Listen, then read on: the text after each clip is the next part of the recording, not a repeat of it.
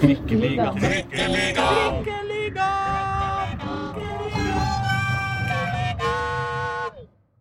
Halla, velkommen til Trikkeligaen sesong 3, episode 23. Det er Dagsavisens eminente pod om Oslo-fotball for deg som bryr deg om det, eller bare liker å høre de vakre stemmene til Aslak Borgersrud, Pål Karstensen og Reidar Solli i uh, noenlunde samstemt uh, og unison harmoni. Hei, hey. som alltid. Hei. Ja, ja, ja. Har dere, har dere det fint, uh, gutter? Ja, vel overstått 17. mai. Vel overstått 16. mai også, som jo tross alt er det viktigste. I denne. I denne sammenhengen. Her, her er, det veldig 16. mai-fokus, ja. Men Ja. eh, det ble veldig Hva heter det for noe? Overstått? Over, Det ble vel overstått. Vel overstått. Veldig flott. Ble det var, det noen, var det noen ordslag som vant i det hele tatt? Var vel ikke det, men Nei, vet du hva, det, det nå, nå gjør du det Nei, det var vanskelig. det var ikke det, vet du. Um, Det var et unødvendig spørsmål. ja, det var det. en eh, Eh, kjempenedtur for hele Oslo-fotballen. Nei, det var jo én sterk uavgjort. Ja da. Dette skal vi komme tilbake til. Men vi jakter seire. Ja.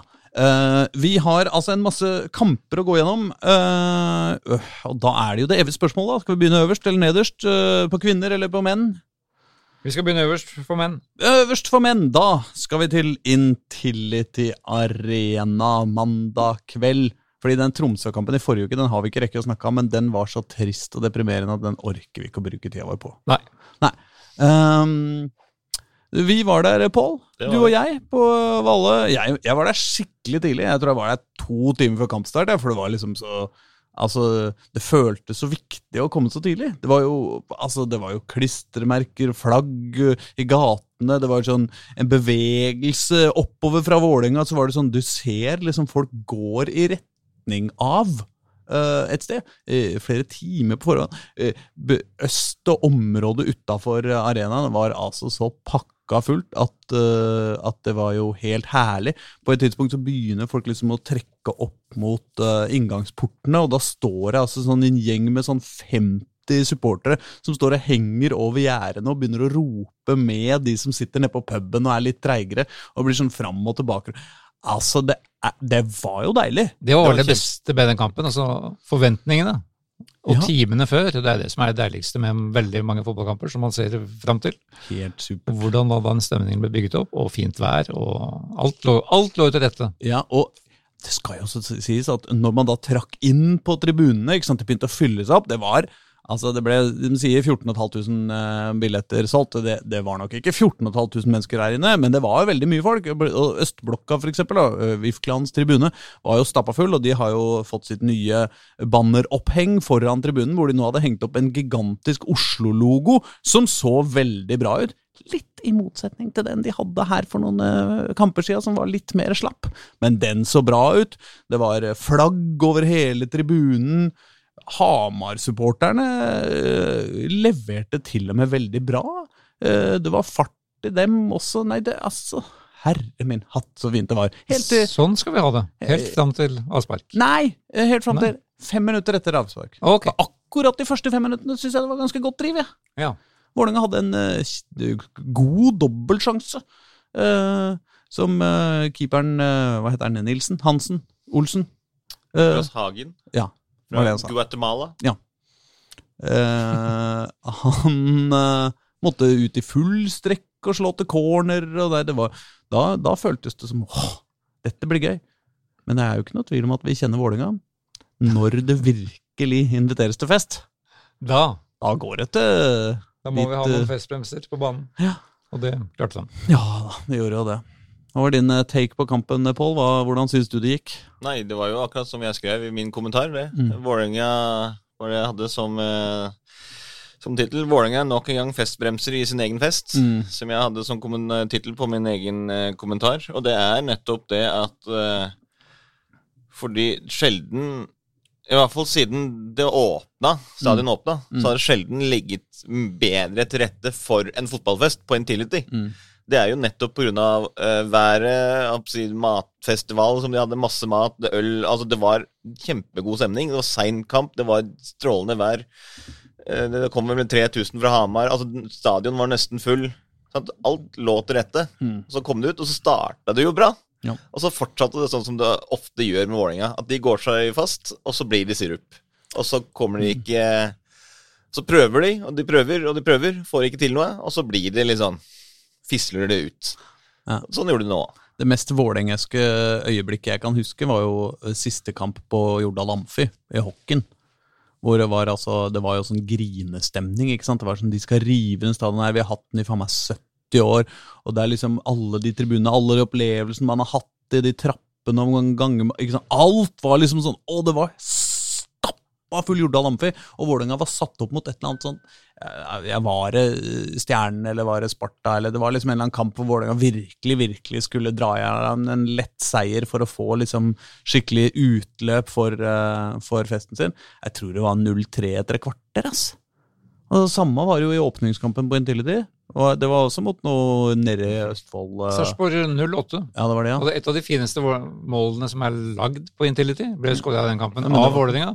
Men det kommer på helt feil tid. ja. Magnus Lekven i siste minutt. Oh, ja Volley-scoring helt oppe i krysset. Men de Det- hadde jo tapt matchen. Det skal jo sies at den uh, åpningskampen på Intility var jo ikke den. Det var jo Vålerenga mot Kolbotn Uh, i toppserien. Ja, Eh, som Vålerenga vant 1-0, eller var det 2-0, med hun som ikke spiller der lenger. Og husker du hva hun het? Fra USA. Ja, amerikaner. Ja, Uh, Skåra bare i store anledninger. men det stopper der, for dette er jo quiz. Verdana Verdana? Er Verdana? Men dette er jo et klassisk quiz-spørsmål. Hvem skårte det første målet på Intility? Ikke sant? Og det var høyt. Et eller annet Doya, Verdana ja, Nei, jeg husker ikke. Altså. Flate. Det må jeg Det var ikke Verdana. Men det var noe sånt. blant gutta var det altså da Magnus Lekven. Ja. Av VIF-skåringen, vil jeg merke, for Sarpsborg hadde da skåret to. Men nå beveget vi oss veldig langt unna Vålerenga-HamKam, syns jeg. Ja. Verdoya het han. Ja. Stephanie Verdoya. Stephanie Verdoya. Jeg var nære! For det lå ikke helt Altså Det, det var jo ikke, det var ikke maksimal eh, inngang til denne kampen. Den, den hadde jo vært maksimal hvis Vålerenga hadde ligget på toppen i tillegg og hadde gjort en god prestasjon i kampen før. Ja. Det hadde de ikke. Nei Tvert da. Nei, da. Nei, altså, den kampen borte mot. Tromsø var jo helt Så, katastrofal. så jeg var litt overraska over den hypen de klarte å skape faktisk mot, uh, i den Mm. kampen mot HamKam. Mm. At de klarte å samle faktisk 14, over 14 000. Eller Men i teorien 14 000. da det er så viktig at de leverer, vet du. Ja. Fordi det er som jeg har skrevet, at det er eh, i motsetning til veldig mange andre lag og byer, så er ikke Vålerenga det eneste laget i byen. Og eh, også i Oslo så er det så veldig mange andre underholdningsprodukter som de konkurrerer mot. slik at du får ikke de folkene inn på eh, stadion hvis du ikke leverer god underholdning eller er med og kjemper om, om et eller annet. Eh, og det har jo ikke Vålerenga gjort eh, tradisjonelt sett. Eh, og Derfor er det så viktig å bruke de anledningene her, når det faktisk er veldig mange folk til stede. Og vise at det liksom skaper, ta med seg den entusiasmen, flyter på den bølgen. Og når du da leverer sånn som i går, når det kommer mandag, så kommer 7000-8000 ekstra, da. Mm. Og de får se det som de ser, så jeg tror dessverre ikke at det er så jævlig mange av de 7000-8000 som kommer igjen. Men eh, for, jeg, jeg må bare si, da, når vi først er på dette temaet, at, eh, at uh, jeg tror jo egentlig at uh, Jeg tror ikke noe på ideen om at Vålerenga på en måte choker av festen. Jeg tror jo dette er mer tilfeldig uh, enn det, og mer Altså, nå er jo Vålerenga er inne i en dårlig stim. Vålerenga spilte jo en dårligere kamp på torsdag borte mot Tromsø, og da var det jo åtte Vålerenga-supportere. Det var dessuten ganske morsomt, fordi de hadde jo planlagt en TIFO for 300 folk. fordi uh, turen var jo det, det var jo den kampen som ble flytta pga. omlegging av kunstgresset, så det kom jo bare sant, det var, hva, hva var det, torsdagskamp i Tromsø. Det er sånn vanskelig å få hele gjengen av syngende supportere opp der. Men de der åtte folka som var der, de holdt jo øh, De Det holdt jo opp sine plakater, de da, som om de hadde en TIFO med 200 stykker, så jeg på, på Twitteren etterpå. Og det syns jeg var sterkt. Nei, jeg bare mener at, eh, at eh, det at Vålerenga gjorde en eh, jeg, jeg tror ikke vi egentlig sånn helt på ekte skal skylde det på at det var masse folk på tribunen og, og stor stemning. Det er ikke sånn at Atleningen ble ikke for stor, liksom. Det, det vil jeg ikke tro. Men det er eh, typisk og liksom, Hvis du hadde levert festfotball da, i den kampen, så hadde mange Ja, ja. av de kommet tilbake igjen, og Ja. det hadde skapt mye entusiasme rundt laget. Det spillemessig var det vel ligna vel egentlig på det mye av det Vålerenga har prestert før i år. Ja, og særlig kanskje mot lag som har eh, fem, eh, fem folk i forsvar. Eh, det, Det var jo det også Fagermo sa også. Altså, Spillerne var fryktelig skuffa over seg selv. Og så snakker jeg med Fagermo, og han var liksom ikke Han var ikke så skuffa over prestasjonen. Fordi, fordi han mente at liksom, det, her, det her er det vi har prestert før i år. Så at vi plutselig skulle levere noe fantastisk mye bedre enn det, det er liksom ingenting som tilsa det.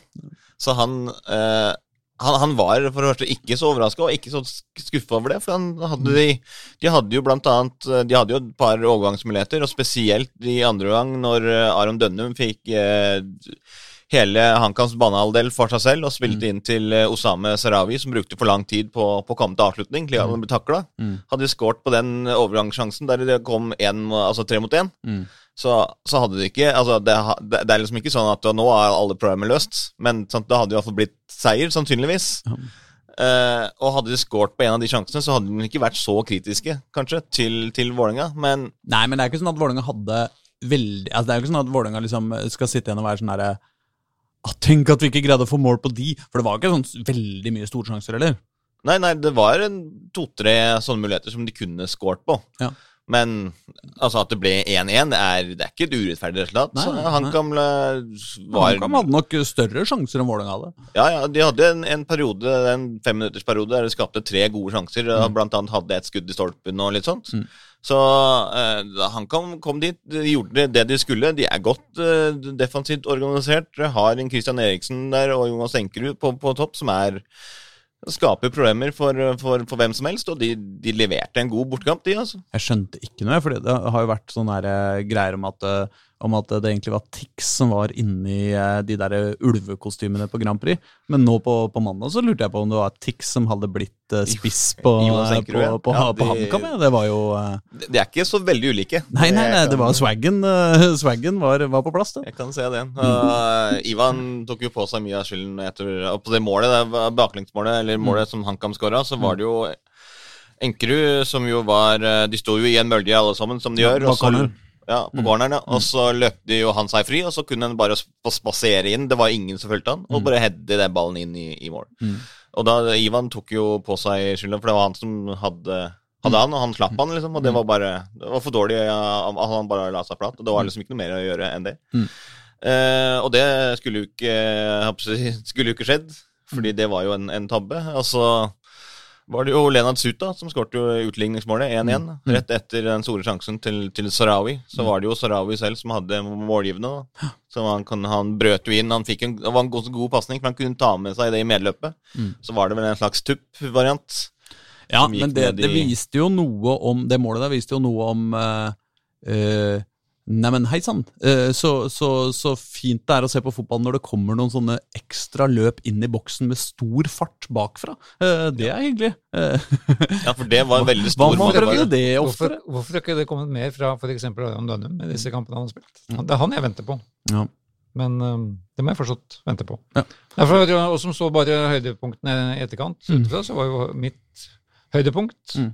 av høydepunktene var passingen fra Odin til Henrik Udal på slutten der, som mm. burde også blitt scoring. Mm. mm. Men den vippen som han da viser over der, bare viser eh, at Odin er tilbake, får trøste oss med, er, en, ja. Eh, er det positive. Jeg må trekke fram et annet høydepunkt, men jeg er enig i Odin. Odin Tiago Holm var kanskje på en måte, Han fikk jo bare spille en halvtime eller noe ja, sånt, men uh, han var jo uh, den som var uh, tydeligst positiv overraskelse, eller sånn Wow, fett! Liksom. Det var et tydelig løft.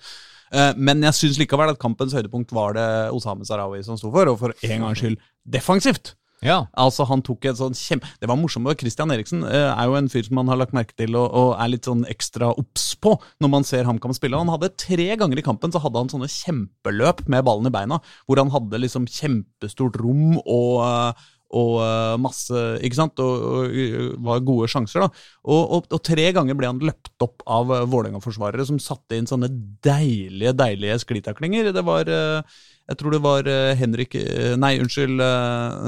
Tobias som hadde én, og så var det, var det Ivan som hadde én, og så var det altså den to samme Sarawi. Og altså den derre bitte lille fyren ikke sant, løper opp han derre superangriperen til, eh, til, eh, til HamKam. Legger inn en perfekt sklitakling. Og eh, ikke sant, som Christian Eriksen forsvinner langt ned til cornerflagget, og ballen ligger igjen liksom på foten til Osame, så han kan bare reise seg opp og gå framover i banen. Ro, liksom showe litt med publikum, og, og, og så eh, ble, ble han vel felt etterpå av Christian Eriksen, men, men, det er noe så Men altså, akkurat den der sklitaklinga der, åh, fra ikke sant, 1,40 høye Osame Sarawi uh, Nei, det var deilig, altså. Men det er sånn som ikke kommer inn i høydepunktene som TV plukker ut. Da, ja, da må de skjerpe seg. men det var, uh, altså, det var høyere jubel for den taklinga enn det var for målet til Suta. Ja. altså, det, var det, men altså, det, det, er liksom nettopp det, for det har, det har noe med signaleffekten. Mm. Og det er jo det, og spesielt fra spillere sånn som. For du er ikke mm. forventer av, av det. Men mm. Og jeg, jo, det var en kjempe, det var glimrende takling, men mm. det er liksom når han da eh, reiser seg opp etter taklinga, og i stedet for å gjøre noe med ballen, stopper opp og altså, vifter med publikum, slik at flere HamKam-spillere kommer inn i situasjonen, og han mister ballen. Han mista ikke ballen, da. Ja, ja, han, han ble, jo frispark, da, ja. tross alt, men allikevel. Det var eh, Fordi det, når han da takla, så var han jo helt alene. Altså, da kunne han gjøre ting med ballen. Men i stedet for å stå, stoppe han opp, og han vinker og gir signalisert til publikum. Og da, da, tenkte jeg liksom Ble det frispark? Hvorfor han stoppa opp, liksom? Nei, jeg, altså... jeg, elsker det. Jubling for uh, en god takling. Det er, det, det er da, altså alle, når, når du scorer mål, så, så, trenger du ikke juble. Da går vi bare skjerk uh, uansett. Men altså, nei. Men uh, Ser de mulighetene, Ser de mulighetene eller graver de seg ned? Ja, det er tre, poeng, det er tre poeng fra tredjeplass. Ja da, og det er fortsatt mange andre gode lag, presumptivt gode lag, eh, som, eh, som ligger under på tabellen og sånn. Jeg er veldig spent på hva vi sitter her og snakker om om to uker, når de har vært gjennom Godset borte, Lillestrøm borte og Rosenborg hjemme. Ja. Da får vi definert mye av hvordan dette vil se ut. Det begynner jo å skumles litt i sosiale medier mot uh, Fagermo. Ja. Uh, det er mange som uh, begynner etter hvert å, å, å, være negative til han. Det som, det som, kanskje gjør at det ikke er noe sånt stormløp Det er liksom ikke, altså folk, det er litt sånn herre Er dette nå egentlig riktig mann for oss, sier folk på en måte.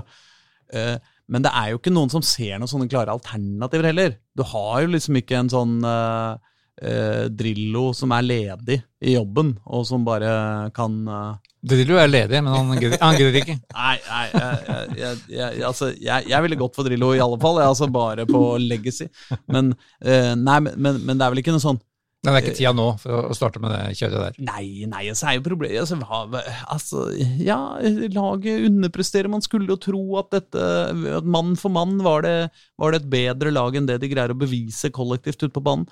Men, men, liksom, hva skal til for å få dem til å bevise Nei, for å få mm. dem til å Det er jo ikke godt å si. Um. det, det, det, er liksom det jeg snakka litt om de etter kampen òg, med mm. både Ivan og, og, Osame og Odin, som jeg også mm. tok en liten prat med, som fikk sine første minutter her. og Veldig mye av det de jobba med i sesongoppkjøringen, var jo nettopp det kampbildet som du så mot HamKam på en tidlig tid på mandag. Mm. Altså de skulle, Hvordan de skulle løse opp den blokka når de ligger seg lavt, i, mm. altså med fem bak. Mm. Og det var Det sa han i fjor, eh, mm. Fagermo, og mm. det brukte han hele oppkjøringen på. Og det har han sagt i år også, at det er liksom det, det viktigste de jobber med. Eh, og da spurte jeg liksom flere av de som har det blitt noe bedre siden i fjor. Mm. Altså Hvis det her er det dere skulle bruke hele oppkjøringen på, og det gjorde de også, og det gjorde de jo til en viss grad med suksess, i hvert fall i starten av oppkjøringa. Spesielt når Odin Thiago Holm var i, dypt på midtbanen her og var mm. veldig god. Men de sa jo liksom Vi, vi har jobba mye med det, og det ser bra ut på trening, og vi har ideer.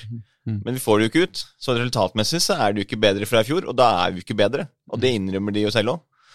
Så øh, Men øh, at Odin Thiago Holm er tilbake, det mm. tror jeg kan løse mye. Fordi han Du ser at han har Uh, altså Han er en helt annen spiller. Han har helt andre ferdigheter enn alle andre på laget, og nesten alle andre i hele Eliteserien. Med måten han kan uh, slå de stikkerne på, måten han kan uh, chippe gjennom Henrik Udal mm. At han ser løsninger som andre ikke ser. Mm. Uh, kanskje da i likhet med Osame Sarawi, som kan være med på å løse opp sånne forsvar. Mm. Og at han da får litt sånn minutter kamptrening tilbake i, i beina og kommer kommer inn i den der dype rollen, ankerrollen, som de har prøvd på mye da, med hell i oppkjøringen. Mm. Absolutt. Det kan liksom, Hvis de får noen kamper der, og det de, de, de klikker for, for, de der, så, så, kan det løse opp mye utover på høsten. Så det er ikke Altså, det er ikke sjanseløst, men uh, Jeg tror men, på høsten var tidlig å snakke om. Vi er 17. Eh, mai. Ja, de må prestere før det. Det må de jo. Men, uh, men, det er jo ikke sånn at det blir, vil jo ikke bli en Eh, altså Bare ved å sette inn Odin Tiago Holm i neste kamp mot Strømsgodset, så er det ikke sånn at nå er vi kjempelag. Det nei, nei. vil jo ta litt tid. Så må vi se Odin over litt tid. Altså, det, det, har vært problemet hans. Han har, han har jo vært veldig mye skada, og mm. sykdom og det meste. Og så er det jo noe med det at uh, når man har et, uh, et problem på jobben, uh, så er det jo alltid fristende å, å, å tenke ja, men ba, om en stund nå, så kommer du vet, det nye datasystemet, eller så kommer den nye Som Intility kan levere? Omorganiseringa, eller det, ikke sant, det, det, skal skje et eller annet snart som kommer til å løse alt. Men, men, eh, men eh, det hender jo at man eh, bare er nødt til å løse ting nå, på en måte. Ja, Fotball er presens. Ja, ja, det er det. Men eh, jeg har litt omsorg Eh, for alle disse stakkars lytterne våre som hater Vålerenga. Eh, eh, de må selvfølgelig skjerpe seg og begynne å like Vålerenga isteden. Men, men vi kan ikke snakke mer om Vålerenga nå. For, for, vi må Men det skjønner jeg godt. Vi må, vi må rekke å snakke om både Skeid og Hoffa og Grorud og Røa og Vålerenga damer også. og, og alt mulig. Ja, og ikke minst Lyn. Og ikke minst Lyn. Men Lynerne må få noe også. Vi skulle jo da fortsette nedover, så da, da er vi i Obos-ligaen. Ja, da er vi i Obos-ligaen. Hvem er det øverste laget av Oslo-laga i Obos-ligaen denne uka, Reidar Solli? Ja, Det øverste laget på tabellen, mener du? Ja. Det er jo fortsatt KFM ja. Oslo, som ja. ligger der. Som da var i Mjøndalen. Jeg var jo der sammen med dem. Eh, veldig hyggelig på Konsto Arena. Det er fortsatt et, et bisarr skue, syns jeg. Denne stadion som ikke er, ser ut som en stadion, men som et, et uh, borettslag. Men det er nå det. Eh, det er veldig hyggelig der eh, for journalister, syns jeg. Vi, jeg og Pål havna jo i et eh, liten sånn kommentatoravlukke sammen forrige gang. Jeg følte det var veldig sånn Jeg følte meg som Kjell Kristian Rike. der Jeg satt ja, nei, jeg ble, jo, jeg ble jo møtt en gang der av Boje Skistad, som Nei, holder du på ennå? spurte han. Da, jeg jo like måte. Ja, ja, ikke sant? Ja, ja, det kan jeg tenke meg. Vi holder på begge to. Spørsmålet er minst like relevant til han. Så han var da i presseavdelingen og sørget for at vaflene var på plass og, og slikt. Deilig. Så veld, veldig trivelig. Og K5 leverte da totalt sett en veldig bra match, som de mm. tapte 1-2. Ja. Den var da klart best i 75 minutter, de siste 75 minuttene av den kampen. Ja. Men da hadde jo da Mjøndalen klart å rukket å skåre tidlig, og, og så økte 2-0 på deres egen, eneste angrep etter pause. Ja. Men det som var snakkisen her da etterpå, var jo da når K5 reduserte på overtid. 2-1. Håkon Stavrum hadde kommet inn. Ja. Og så skulle KFM kjapt inn i nettet og ta med seg ballen for å løpe tilbake og skåre et mål til. Ja. Og da, tok, da, da, da, var jo da Håkon Stavrum på vei ut med ballen mm. og skulle spille den foran seg. Altså, Dommerne hadde jo dømt mål, ja. så, så, ballen var ute av spill, egentlig. Men da satte da Mjøndalens keeper inn en uh, hemningsløs takling på Nei. Håkon Stavrum. Nei. Slik at han ikke kom så kjapt tilbake til midtstreken som han hadde planlagt. Ja. Så Thomas Kinn, som da er vinnerens keeper, han fikk da direkte rødt kort. Og det er jo ikke helt dagligdags. På overtid, etter at ballen Altså, kampen var eh. Ballen var ute av spill, kort og godt. Ja. Han beklaget seg da etterpå ved å si at han egentlig var så irritert over at han slapp inn et mål. Mm. At han bare skulle sparke ut i lufta irritasjon. Ja. Så traff han tilfeldigvis ja. Håkon Stavrum, som var på vei utover. Men eh, Mjøndalen greide da sikkert å bruke ganske god tid på å gjøre et bytte da, for å erstatte uh, keeperen? Nei. Ja, da var det jo styr, for de måtte jo ha en utespiller inn i mål. Og så var det ja, de brukte jo alle byttene sine. En, det ja, ja det, det, er riktig, men de måtte jo ha en i mål. Ja. Så han måtte jo ta på seg keeperhansker. Og, og det kan fort ta lang tid når man leder 2-1 og vi er på overtid, altså. Ja, da, og ta på de keeperhanskene er kanskje litt trange. og... Ja, så tok det litt tid før dommeren skjønte hva som hadde skjedd også. For han var jo på vei, også på vei tilbake til ja, ja, Så det var en linjedommer eller så det var en linjedommer som, som, som, som, så dette her. og mm. så, ja, så det ble litt, uh, Men han hadde jo vettet til å legge til disse minuttene da, ekstra. Ja. Uten at det hjalp K5 noe. Som også Men, var litt gøy i den situasjonen, var at liksom på høyttaleranlegget, mm. rett før den skåringa, så annonserte de jo at uh, Thomas Kinn var kåra til uh, Mjøndalens beste. Ja, ja, ja, og så gikk det under ett minutt, så hadde han både sluppet inn mål og blitt utvist.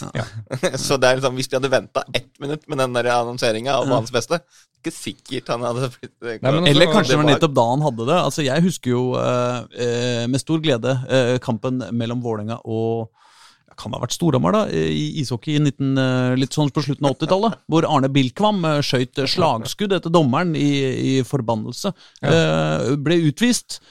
Fikk 25 kampers matchstraff, men ble kåra til banens beste spiller av Vålerenga. Nettopp. Ja, ja. Nei, men overtid i fotball, det er fascinerende. Da, da, skjer det meste. Men prestasjonsmessig veldig bra K5, men mm. poengmessig null utdeling. Plutselig med, morsomt med Mjøndalen, som da vinner alt og har en veldig flyt og topper Obos-ligaen. Mm. Klart. Da må de vinne med deres opprinnelige keeper, Sorsa Makini, mm. som da har, vært, har sona fordi han har spilt på Mjøndalens egne kamper. Så han fikk jo straff av Norges Fotballforbund her i fjor høst, var det vel. Men nå har han sona ferdig, så da er han klar til å hoppe inn. For nå oh, ja, ja, og sånn spilt, da. Gambla. Ja, gambla, ja. ja, ja, ja, ja, ja fordi jeg syns det ville være rart å bli utvist. Få karantene for å ha spilt sine egne kamper. ja, ja, nei, ja nei, det var selvfølgelig klønete formulert. Men, men penger involvert. Og det liker man ikke. Men det mener han, og det er jo utafor vår sektor. Uh, og så fortsatte da moroa dagen etterpå med Fredrikstad Skeid, mm. som var da mitt valg denne 16, berømmelige 16. mai-kvelden. Ja. Fantastisk atmosfære, og nesten 9000 tilskuere på Fredrikstad stadion. Ja. Det er fotballkultur i den byen der. Det... Du, dro, eh, du satt deg rett og slett i, i, bilen og kjørte ned til Fredrikstad? Ja. Så deilig, da. Man, eh, man må jo det. Fredrikstad er ganske fint når det er sol òg. Det er veldig fint. Det er en Sjarmerende by. Sjarmerende fotballby. Det er vel den mest lidenskapelige fotballbyen bak Bergen, er ikke det? I, i Norge. Sånn uh, i det store bildet. Ja. Ja, den diskusjonen kan vi ta. Ja, nei, la oss ikke Altså, Du, du veit hvilken podkast du er på, ikke sant? Ja, jeg veit vel det. Ja. ja. Så da var det jo spørsmålet om Skeid skulle gå på sitt sjette strake ettmålstap. Ja. Det gjorde de ikke. Nei. De gikk på sitt første tomålstap. Å, så hyggelig, da. Men det var kanskje ingen, ingen trøst. Nei. Hvor da de taper på to dødballer. Øh, og det første Gard Holm sier til meg etterpå, Skeid-trener Gard Holm, er jo du kan bare ta kopi og copy-paste fra de to siste intervjuene fra de to siste kampene. Akkurat det samme. Ja. Spesielt det første målet der. Det var jo fryktelig å se på. Ja. Altså, han, altså, Hvis du kunne snakke om at en fyr som spaserte gjennom Altså Enkerud på HamKam sitt mål mot Vålerenga, mm. så var det akkurat det samme her òg. Fordi det altså Han, han, han fikk stå helt alene, gjøre akkurat som han ville. Ballen bare dalte over uh, Skeid-spillerne, og så bare satt den. Plutselig så var han der helt alene for seg selv. Bare... Så jo ut som han var ti meter offside, men uh, ja. det var han heller ikke. Det, så det, det, sier jo det meste om hvordan det forsvarsspillet var. Så det, han, så det var 1-0, og så var det da 2-0 den gamle Skeidbekk Ayub Aldesami. Oh, ja. Som da mista plassen sin i Fredrikstad, faktisk. Men uh, kom inn som innbytter og hedda en 2-0 etter, etter en dødball, corner. Og han følger med Skeid uh, videre sier han. Han var jo sterkt bekymra for uh, null poeng etter seks kamper. Mm. Men sier jo som alle andre at dette laget presterer mer enn de har fortjent. Mm. Men de kan ikke fortsette med å prestere med, mer enn de har Nei. De fortjener Ja, men, de, må, de, må, fortjene noe snart. Ja, ja, det er sant. Men på den andre sida, dette er jo slutten. Dette. Vi ja. har jo snakka om det hele forsesongen, at uh, Skeid kom til å stå med null poeng etter 17. mai. Ja, vi hadde det som Noen snakka om det før, når vi fikk serieoppsett, ja. ja. Men at det skulle bli innfridd, det er jo kanskje litt overraskende. Jo, jo, jo, jo det er ikke det at det ikke er overraskende, men, men, det er jo på en måte De har hatt en, en, en fryktelig rekke med vanskelige motstandere i, i, starten av serien, og nå blir det lettere for dem, blir det ikke det? Jo da, nå starter jo da mot, nå skal vi da varme opp uh, snuoperasjonen, så jeg snakka med Fredrik Bergli, kapteinen, etterpå. Mm. Varme opp Cupen på torsdag. Ja. Eh, de forventer at det snur der, og så ja. har de Stjørdalsblink da i første hjem, neste hjemmekamp på Nordre Åsen. Og, og, da er det ikke, noe, ikke noe spørsmål lenger, men så, da kommer kampen de faktisk må vinne. Ja. Etter det så har de jo da tross alt Sandnes Ulf, Koffa og Sogndal. Ja. Så det er liksom ikke sånn at det er spesielt mye enklere heller. Nei. Eh, men altså, kampen mot Stjørdalsblink eh, mandag 23., det blir en nøkkelkamp allerede nå. Altså, det er bare å si om, fordi Stjørdalsblink er jo de som ligger eh, foran de på dalen. De har jo også bare tatt to poeng så langt eh, i år. Eh, og det er jo sammen med Åsane og Bryne kanskje de som har blinka ut seg ut som de som skal ligge nedi der ja, og, og, kjempe. Ja, ja. Og det, hvis de da uh, går på sitt Altså nok et tap, og da hjemme mot Stjørdalsblink For det er jo de to kampene Det er jo den kampen som kommer mot Stjørdalsblink, og så er det den kampen som var med Kongsvinger. Sånn De to kampene er jo sånne, sånne kamper som de er helt nødt og helt avhengig av å ta poeng i. Og de har spilt bra i de aller fleste kampene i år og vært veldig nære, men mm. Kongsvinger-kampen desidert årsverste. Mm. Så hvis de leverer på det nivået mot Stjørdalsblink, og ikke liksom på det nivået som de er når de spiller mot de beste lagene, mm. da begynner det virkelig å bli, eh, bli alvor eh, på, på Nordåsen. Og det må jeg sånn... si til, til eh, eventuelle Skeid-folk som måtte, måtte, høre på, og dette sier jeg på ingen måte av kjærlighet, men at dere rykker ned, det gidder vi faen ikke, altså. Nei, det gidder ikke. Nei, nei, nei. Det, det, det, det får de ikke lov til. Så er det noen sånn litt sånn småmorsomme diskusjoner internt rundt klubben. Hvorfor brukes ikke Gabriel Andersen mer? Ja. Eh, som mange parkerte etter forrige match. Mm. Han, han, kommer inn fem minutter for slutt, og det er mm. seint. Mm. Det skjer faktisk et eller annet kraftig foran der eh, hver gang han kommer inn. Mm. Men han brukes ikke, og Gards um, argument for det er at han og Jon Ibedussen er for like. Mm. Og Derfor bruker han bare én av dem. Mm. Det er jeg vel gradvis uh, stigende uenig i. Jeg vil gjerne sette dem sammen da, på topp i mm. Skeit. Mm. Og så har de en merkelig dristig uh, energi, strategi med å De skal alltid spille seg ut bakfra. Ja. Og så Her endte det med at det ble five-a-side inne på femmeteren stadig vekk. Og det er en Når du ligger i bånn, så syns jeg ikke du skal gjøre det. Ja, du ligger på topp, så kunne du gjort det. Mm. Men uh, det endte jo da med en situasjon der hvor keeperen til slutt måtte spille desperat ut, rett i en FFK-spiller, og ballen suste rett over tverrliggeren. Ja. Så det var um, nesten katastrofe, men uh, det gikk bra. Men uh, Fredrikstad stadion fulgte opp med 2000 russ og resten FFK-folk. Morsomt. Det rare er at fotballtrenere er så en, og spillere er så entydig opptatt av at dette er, mors, det, det er morsomst fotball. Og det har jeg aldri forstått som fotballsupporter. Hva, hva, da? Ja, å, spille seg ut fra egen ja, keeper, på en måte. Ja. altså For meg så Jeg, jeg syns ikke det blir noe morsommere av det enn om du dunker ballen opp og får en duell på midten. på en måte. Jeg, Nei, jeg, jeg, jeg ser ikke noe sånn veldig stor, stor, uh, stor humorverdi i noen av delene. på en måte. Spesielt ikke hvis du har mistet ballen og får livsfarlige sjanser imot. Ja, Det skaper litt angst blant supporterne. Ja, ja, og det skal oksene ha. De, de, var faktisk, de klarte å skape bra lyd, selv om de langt fra var i overtall på Fredrikstad stadion. Men angst, uh, angst, og kjærlighet henger jo sammen, det har vi lært, vi som har sett mye Star Wars. Ja. så, så, så, det er ikke nødvendigvis noe dumt med, med angst. Nei da, jeg har lært det også uten å se Star Wars. Men, ja. Eh, det er det Men ja, dem om det. dem om det. Nei, jeg husker vi diskuterte det med Fagermo en gang. At uh, hvorfor, Når du har frispark på 35 meter, hvorfor tar du alltid og bruker det frisparket til en støttepasning da? Ja. Nei, da ja, nei, men det er jo, Folk vil jo se artig fotball. Hæ? Ja, ja eh, ok. Er, er støttepasning artigere enn innlegg? Jeg vet ikke, jeg! Men, men eh, sånn er tidens melodi i fotballtrenerkretser. Ja. Altså, kort oppsummert kan vel si at skeiv sesong begynner nå. Ja. Den gjør det. Ja. Den gjør det. De bare har litt kortere tid enn en de, de andre laga. De starter med et lite handikap. Ja, ja, aldri så lite handikap. Nei, men de starter ikke med minuspoeng, tross alt. Nei, nei, tross alt. Kanskje det er det positive. Ja. Nei, men Stjørdalsblink eh, de skal eh, reise hjem til Inntrøndelagen eh, med eh, blåmerker og knust sjølbilde. Ja. Samtidig som denne kampen foregikk, så var det Stabæk Grorud på Nadderud. Det klassiske møtet mellom Erik Kjøne og Johan Gjønnes. Har dere rekka å bli klassisk allerede? Nei, det, det var, det var første gangen. Ja, det, ja, det er det jeg mener. Det var første gangen. Det er Eirik Kjøne Derby. Ja. Eirik Kjøne Derby, ja. ja. Altså, Eirik Kjøne, den på en måte vi, vi skal, Det er ikke den forrige treneren til Grorud, men det er treneren som løfta, som gjorde Grorud, skapte Grorud som et uh, Obos-ligalag. Ja. Også venn av podkasten. Og venn av podkasten. Uh, Eksvenn. Uh, før han stakk til Stabæk, for han ble så populær.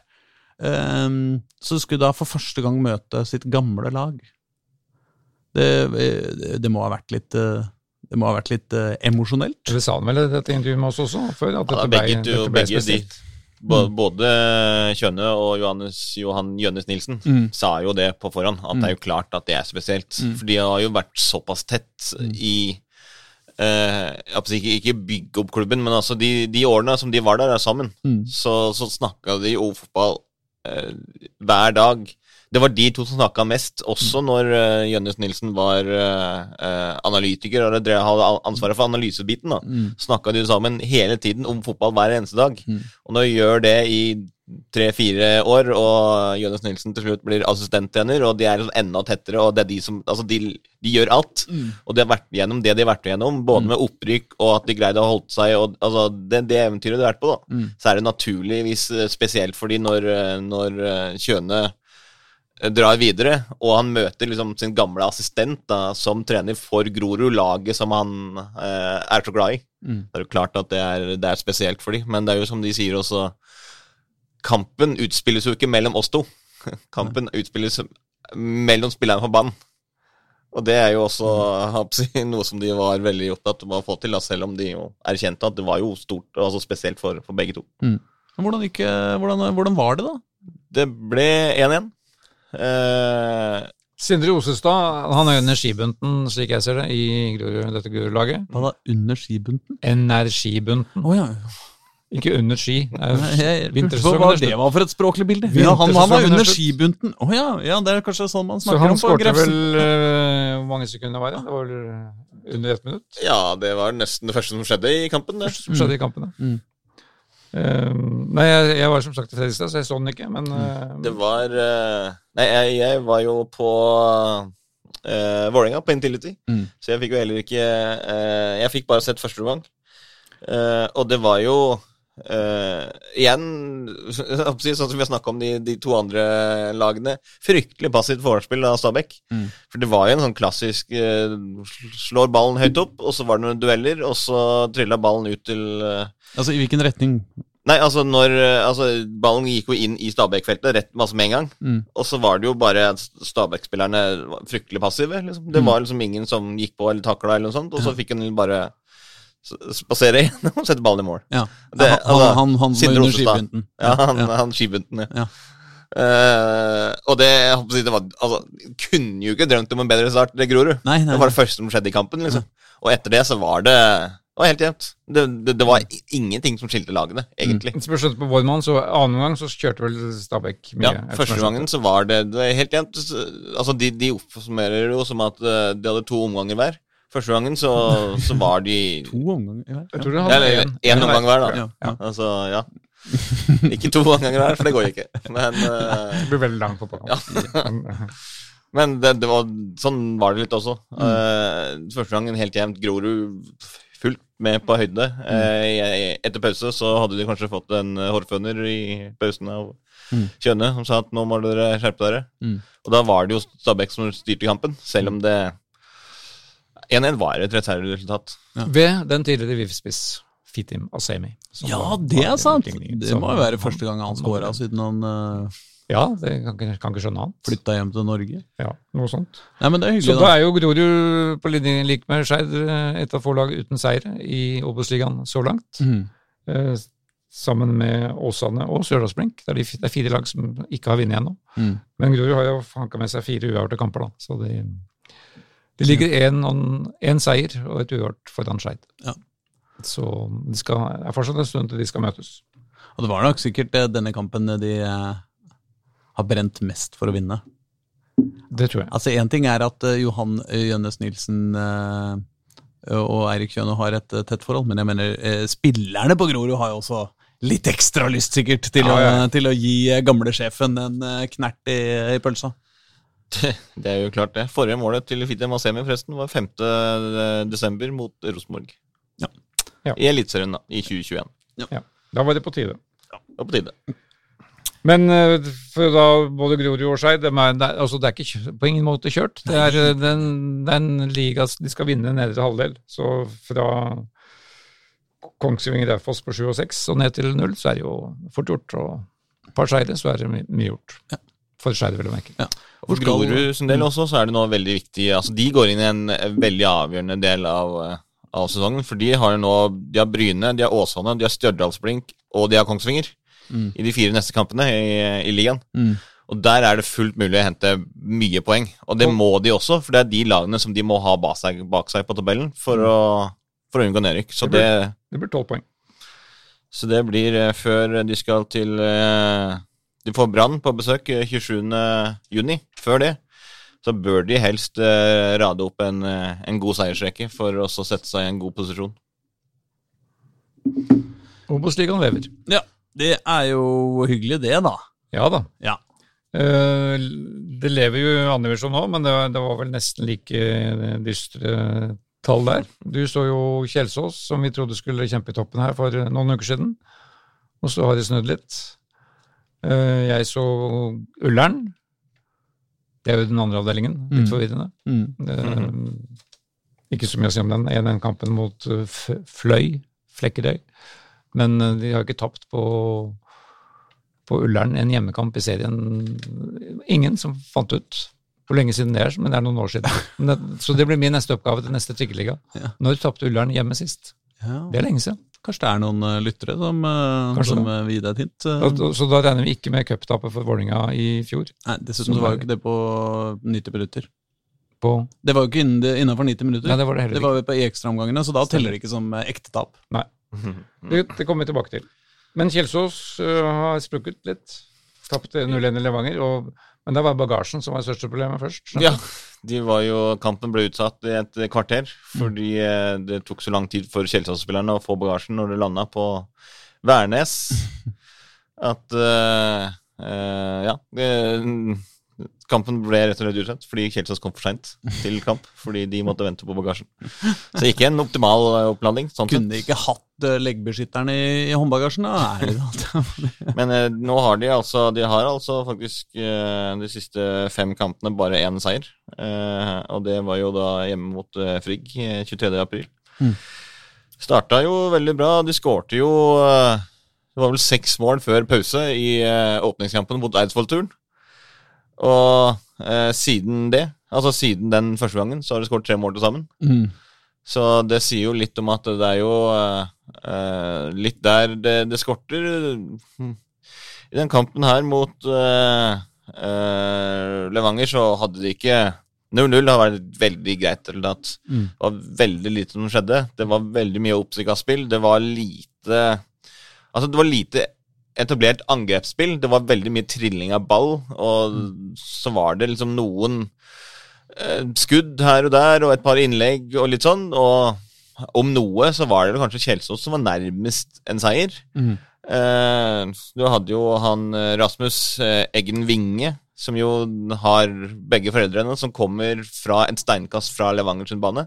Mm. Så hvis de eh, i andre omgang, ja, når eh, så angrep Kjelsås mot uh, Rasmus Eggen Winges sitt barndomshjem. Fordi hvis du zooma litt ut, så kunne du se gården hans liksom litt på andre over Så så nære har liksom hans han har ganske uh, nær tilknytning til Levanger. da. Han kunne skutt hjem? Ja. ja. Hvis han hadde litt sånn skjerptreff, så kunne han ha, ha truffet det. Og Det var jo det store opplaget i, uh, i lokalavisen før kampen også. Mm. Intervju med han om, om, hans tilknytning til Levanger. da. Mm. Og han hadde vel, han hadde nok den, de største sjansene til, til Kjelsås. Ikke noe særlig mye å melde. Midtskogen hadde head, en heading som gikk litt over. Samme var det i andre gang. En heading som ble litt eh, gikk noen meter utenfor. Mm. Et skudd fra Rasmus Eng Binge som hadde retning mot krysset, som gikk litt mm. utenfor. Mm.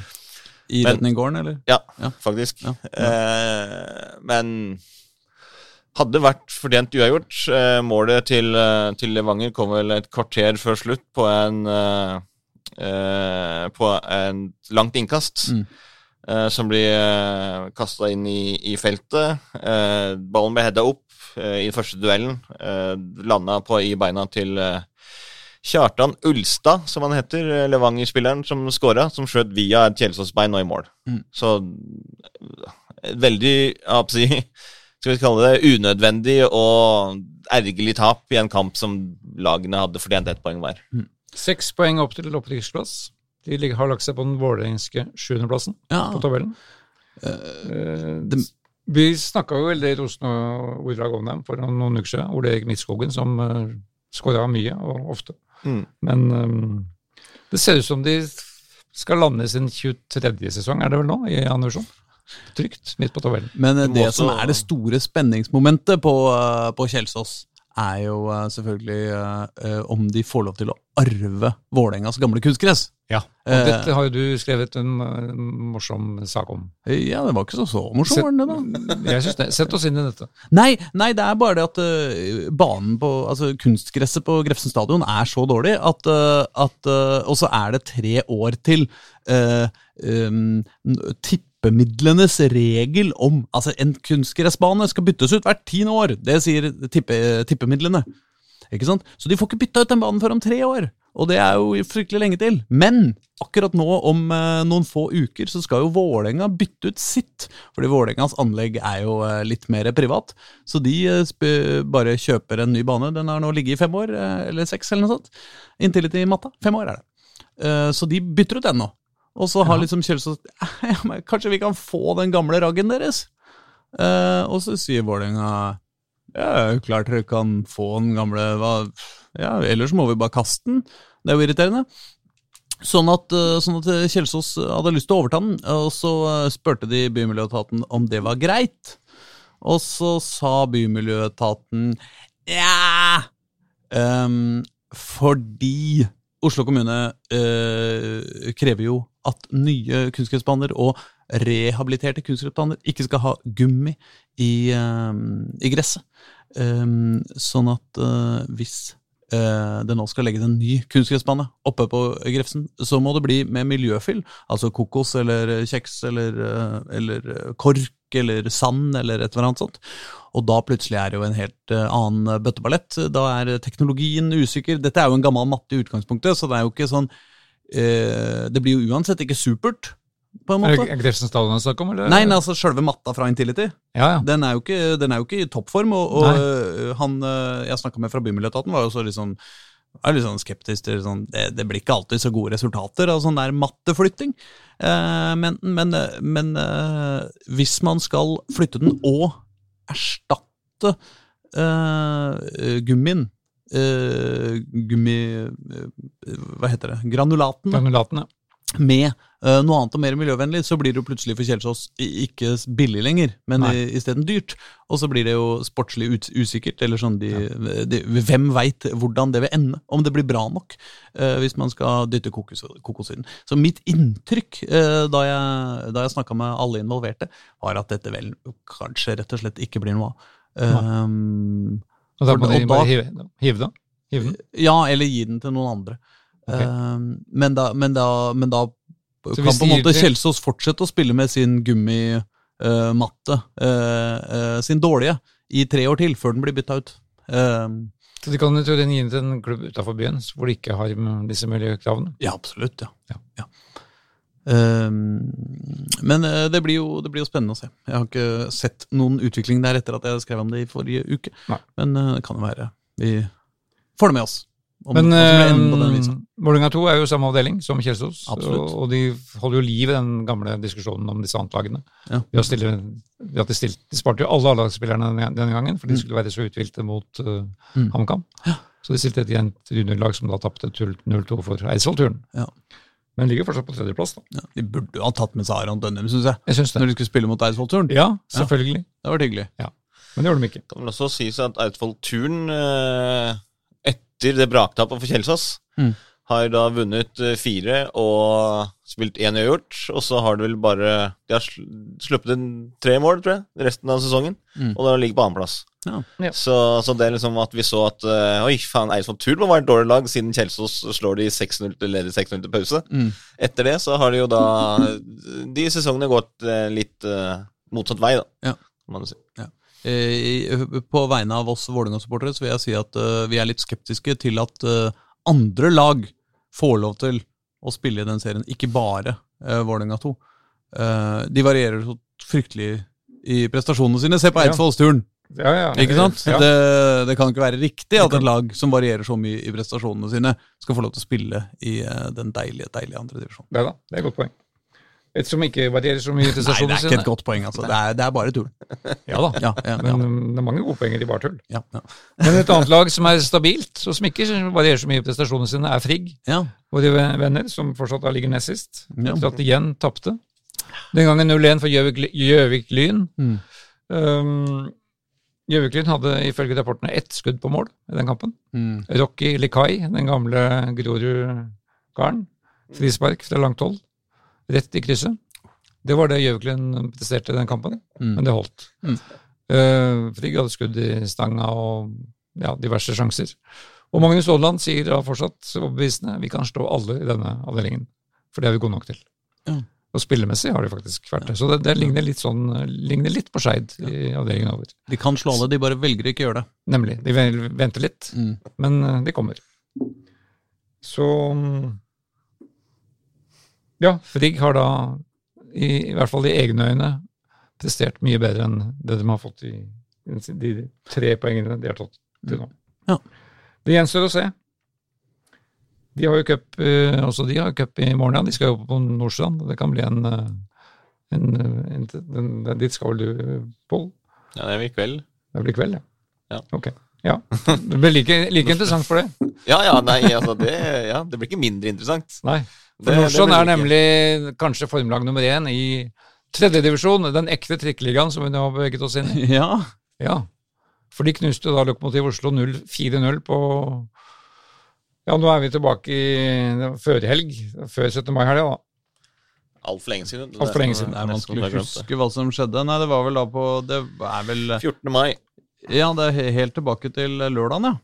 Helt tilbake til lørdag klokka ja. 18.00. Kveldskamp. Og Det var jo da den pussige situasjonen hvor, hvor Nordstrand skulle tatt ledelsen i første eller andre spilleminutt. Hvor de både ropte på straffespark og scoring i samme moment.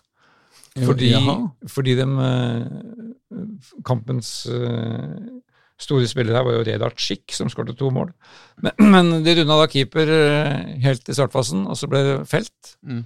Og så rulla ballen mot målstreken. Ja. Og så skulle Frigg klarere den ut klarerte den rett i Nei, Frigg, sa jeg det?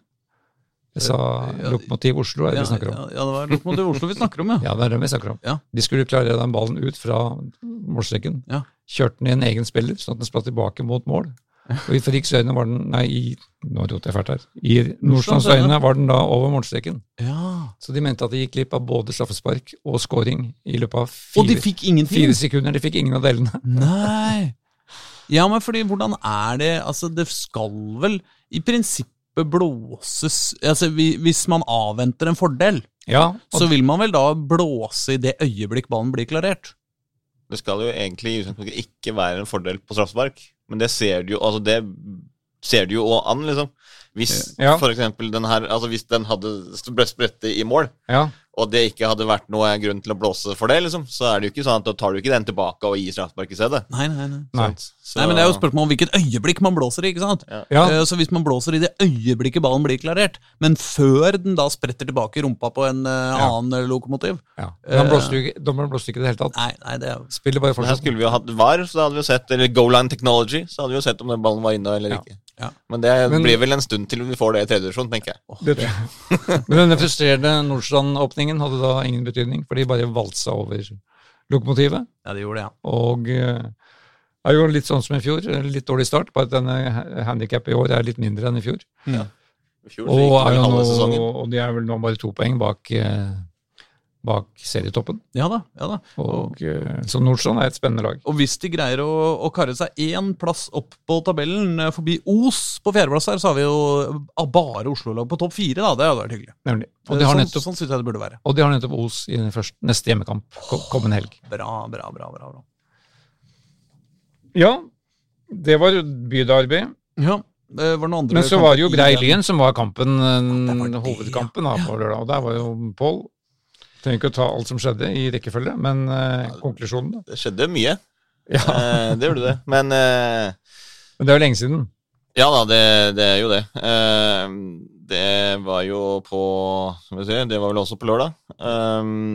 Nei, det som starta jo med at uh, Lyn David Tavakoli skårte igjen som han jo ofte har gjort uh, før. Uh, her, det, Lyn hadde et par-tre småsjanser i starten, og så skårte de, fikk de utdeling for sjansene sine. Mm.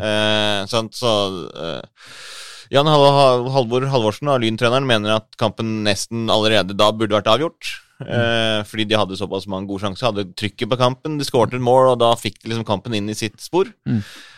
og det trodde alle andre òg, som var der òg.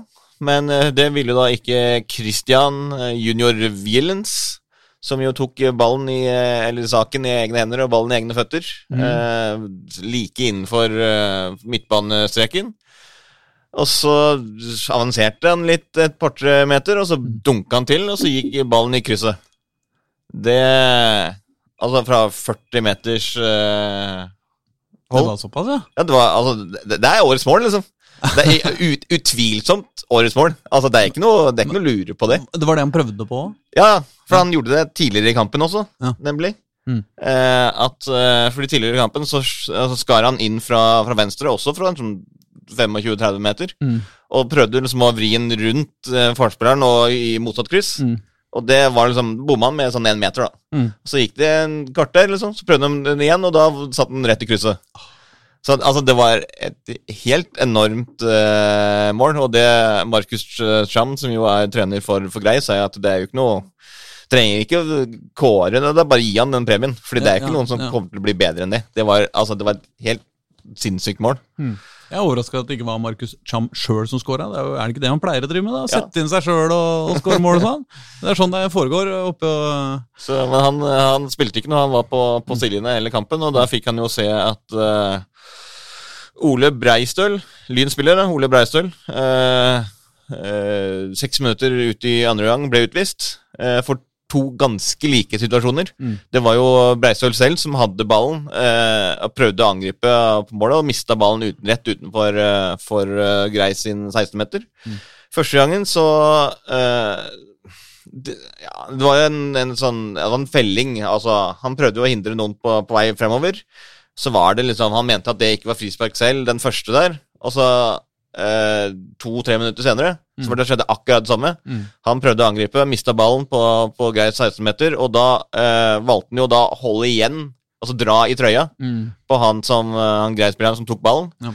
Og da han skjønte jo med en gang at han kom til å bli utvist. Ja. Han, altså, når, når han slapp der, så Ja. sank han jo bare rett ned på kne, og liksom hodet i, altså, ja. hendene i hodet, og bare tenkte, å faen, hva har jeg gjort nå, liksom? Og så ble han jo utvist da, selvfølgelig. Mm. Eh, Når, da, hvor seint var dette i kampen? det var, da var det spilt fem, seks, seks minutter andre gang. Så da måtte jo da måtte Lyn eh, spille de siste 40 minuttene der med en mann mindre. Mm. Og du så jo det når han gikk eh, i garderoben. Mm. Når han kom ut igjen, så hadde jo da Grei tatt ledelsen, Ja. 2-1, Mm. med Isak eh, Løvlund. Mm. Som da eh, jubla som besatt. Løp mot eh, de Grei-supporterne som var på tribunen og hadde trodde at nå har han gjort, gjort helt eh, det store mm. og gitt de, de seieren. Mm. Og da måtte jo han Braustøl stakkars, stå på sidelinjen der og se på de altså 35 minuttene da, mm, med at Lyn lå under, at det var hans skyld, liksom. Og Grei forsvarte seg bra. Eh, Lyn, Lyn fortsatte å spille på den måten som Lyn skal spille på. Mm. Altså som de har sagt at de skal spille på. Mm.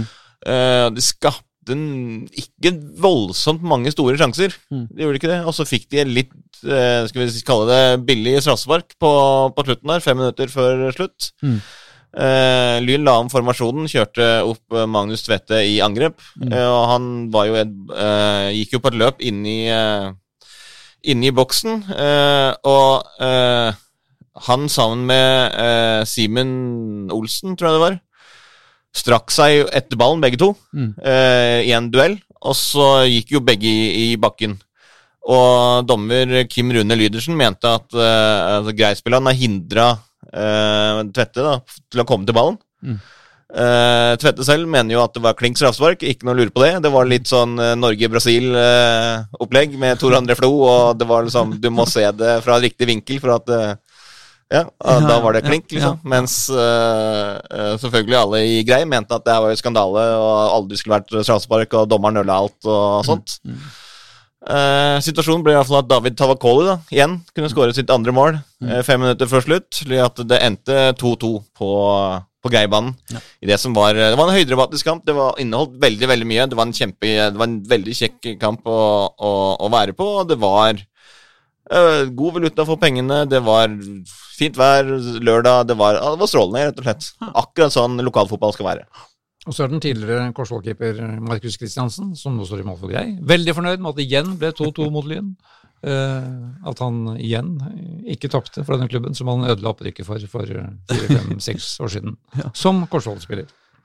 Ja, altså det er jo, eh, det er jo eh, topp mot bunn eh, i ligaen. Da er det jo hyggelig å, hyggelig å eh, komme seg unna med en eh, uavgjort, da. Ja, Ja, det er viktig også for, for Grei, fordi de eh, Hvis vi skal unngå nedrykk, så er det her Altså, det er et bonuspoeng, det er det ingen tvil om. Eh, men sånne poeng er gull verdt.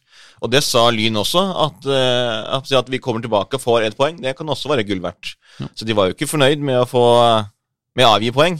Men de var jo fornøyd med at de tross alt ikke tapte, når de låner 2-1 og hadde en mann utvist. For da skulle jo Groruds annet lag benytte sjansen til å overta serieledelsen, for det kunne de gjort. Ja, Men så klarte de da å gå på sitt første tap for Kjelsås annet lag, som tok sin første seier. Ja. Der skjedde alt på overtid. Ja. Først utligna Grorud på overtid, og så skårte da Kjelsås Patrick Siu Askengren fire minutter på overtid 2-1 til Kjelsås annetlags første seier. Ja. Dermed ble det ikke Grorud på tabelltopp. Men derimot Skeid, som vel da ligger likt med Lyn, mm. fordi de slo Stabæks annetlag 3-0 på Nadderud stadion. De har motsatt strategi av A-laget. De vinner alle kampene istedenfor å tape dem. Det, det er oh, kanskje, de, ja, det er kanskje noe som A-laget burde ja. se på. Og Da er det jo han, igjen han som vi har nevnt før, Yasir Saad på dette annet laget, som skårte, og som er veldig dominerende. Mm. Og Emil Tjøstheim. Begge de to har jo eller Tjøstheim har jo vært inne på A-laget. Så Skeid har bredde i troppen. Mm. Det, det, det skjønner vi. Men tilbake til Lyn. De flytter da nå til endelig skal de spille sin første ordentlige hjemmekamp, sier de nå i cupen i morgen mot Stabæk på Bislett. Ja. Og Bislett er nå hjemmebanen deres fra nå av og til de har rykka opp til andrevisjon. Ja, det er jo den store herrecupdagen. Eh, onsdag eh, Nei, unnskyld. Det er onsdag i dag når vi tar opp dette. Vi er litt på, på halv tolv. Torsdag Eh, er den store herrecupdagen, og så er det vel onsdag som er den store kvinnecupdagen. Altså i dag. Ja, det går noen herrecupkamper i dag òg, men ja, ja. hoved, hovedbølet går i morgen. Ja. Men damene, både Vålinga, Lyn og Røa, spiller jo sine, sine cupkamper i dag. Ja, ja altså Vålinga har jo uh, storoppgjøret borte mot Fart. Uh, og det er jo hyggelig. Som er litt gøy med den kampen, er jo at uh, Fart rykka jo ned og er jo i den avdelingen med Vålinga 2.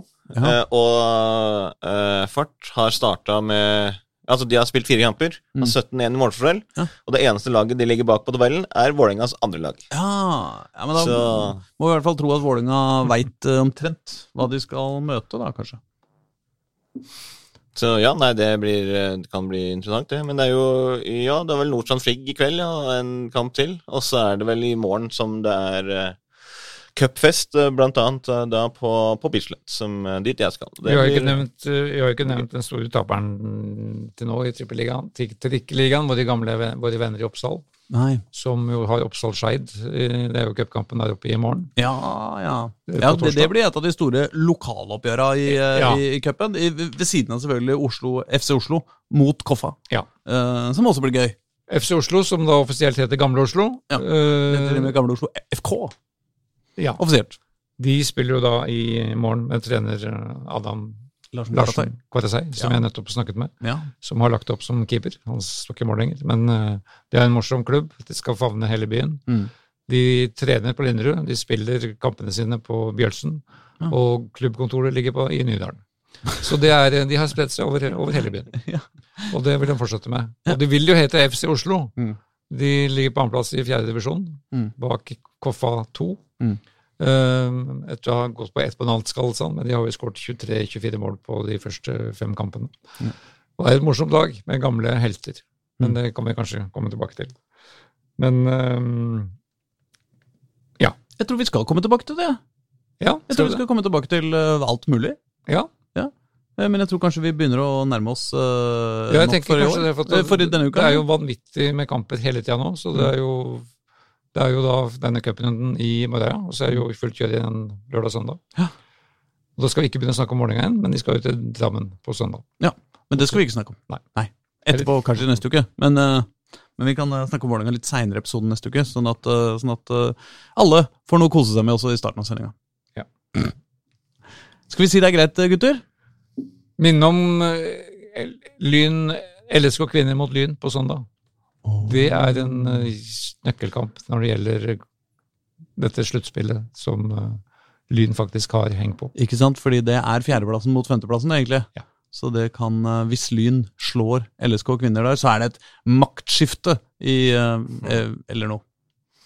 Eller det blir spennende, i hvert fall. Det blir det. Topp. Serien. Ha det. Hei og hopp. Ja, det er bra.